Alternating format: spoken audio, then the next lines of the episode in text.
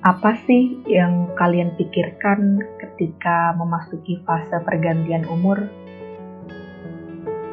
Jujur, banyak hal yang aku rasakan dan juga pikirkan. Apalagi setelah berusia hampir kepala dua di tahun ini.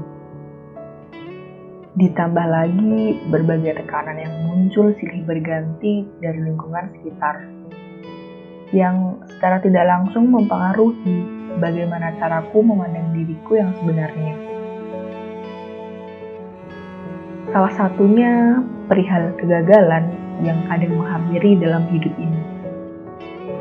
Alih-alih membangkitkan diri dari keterpurukan, justru sibuk mengagungkan keberhasilan yang orang lain dapatkan.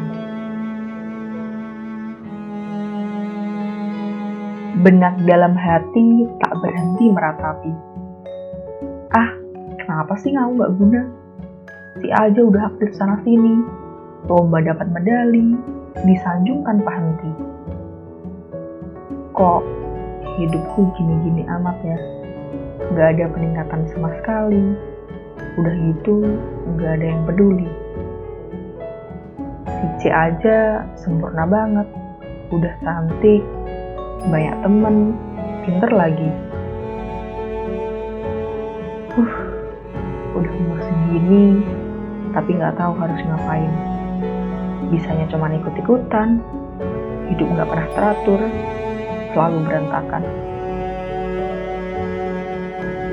berbagai inilah itulah terus menghantui pikiran dan perasaan yang sejatinya belum bisa menerima makna dari sebuah kegagalan.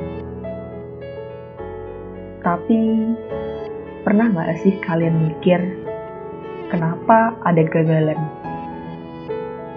dan kenapa kegagalan itu tetap terjadi meskipun pada akhirnya hanya akan berujung menyakitkan.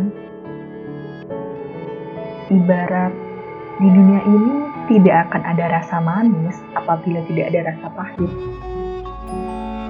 Seperti halnya kegagalan, ia merupakan rasa pahit yang hadir sebagai satu kesatuan lengkap dengan keberhasilan karena tidak akan ada makna dari sebuah keberhasilan tanpa mengenal arti sebuah kegagalan yang ada dalam hidup.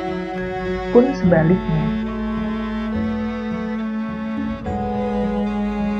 kegagalan mungkin terdengar buruk, tapi bukankah buruk bukan berarti tidak berguna? Kegagalan mungkin menyakitkan, tapi bukankah rasa sakit itu ada agar bisa saling menguatkan? Kegagalan mungkin tidak bisa dihindari, tapi bukankah tidak bisa dihindari bukan berarti tidak bisa dilewati? Pada akhirnya, kegagalan tidak harus ditolak keberadaannya tapi cukup diterima dan dimaknai kehadirannya. Dan setiap diri kita memiliki kebebasan bagaimana memaknai kegagalan yang kita alami. Tak perlu dibanding-bandingkan agar kita tidak terus-menerus mengagungkan manisnya kehidupan orang lain. Tak perlu melabeli diri sebagai orang yang paling gagal, karena ini bukanlah sebuah ajang perlombaan menghasilkan pemenang. Perihal kegagalan, tak apa untuk menangis dan bersedih. Tak apa merasa terpuruk dan kecewa. Tapi jangan lupa untuk kembali membuka mata. Karena semesta tidak akan berhenti menerima dirimu apa adanya. Kamu dengan segala kelebihanmu, kamu dengan hati besarmu, kamu dengan rasa tulusmu berhak untuk bisa menerima kegagalan. Karena kegagalan jadinya hanya sebuah proses dalam kehidupan yang tidak akan menghalangi segala takdir yang telah diperjuangkan. Waktu dengan sendirinya akan terus menemani tanpa mengingkari. Hingga dirimu mampu merangkul dan berdamai dengan pahitnya kegagalan. Dengan berdamai akan memunculkan keberanian dalam diri untuk dapat bangkit dari kegagalan yang suatu saat akan kembali datang menghampiri.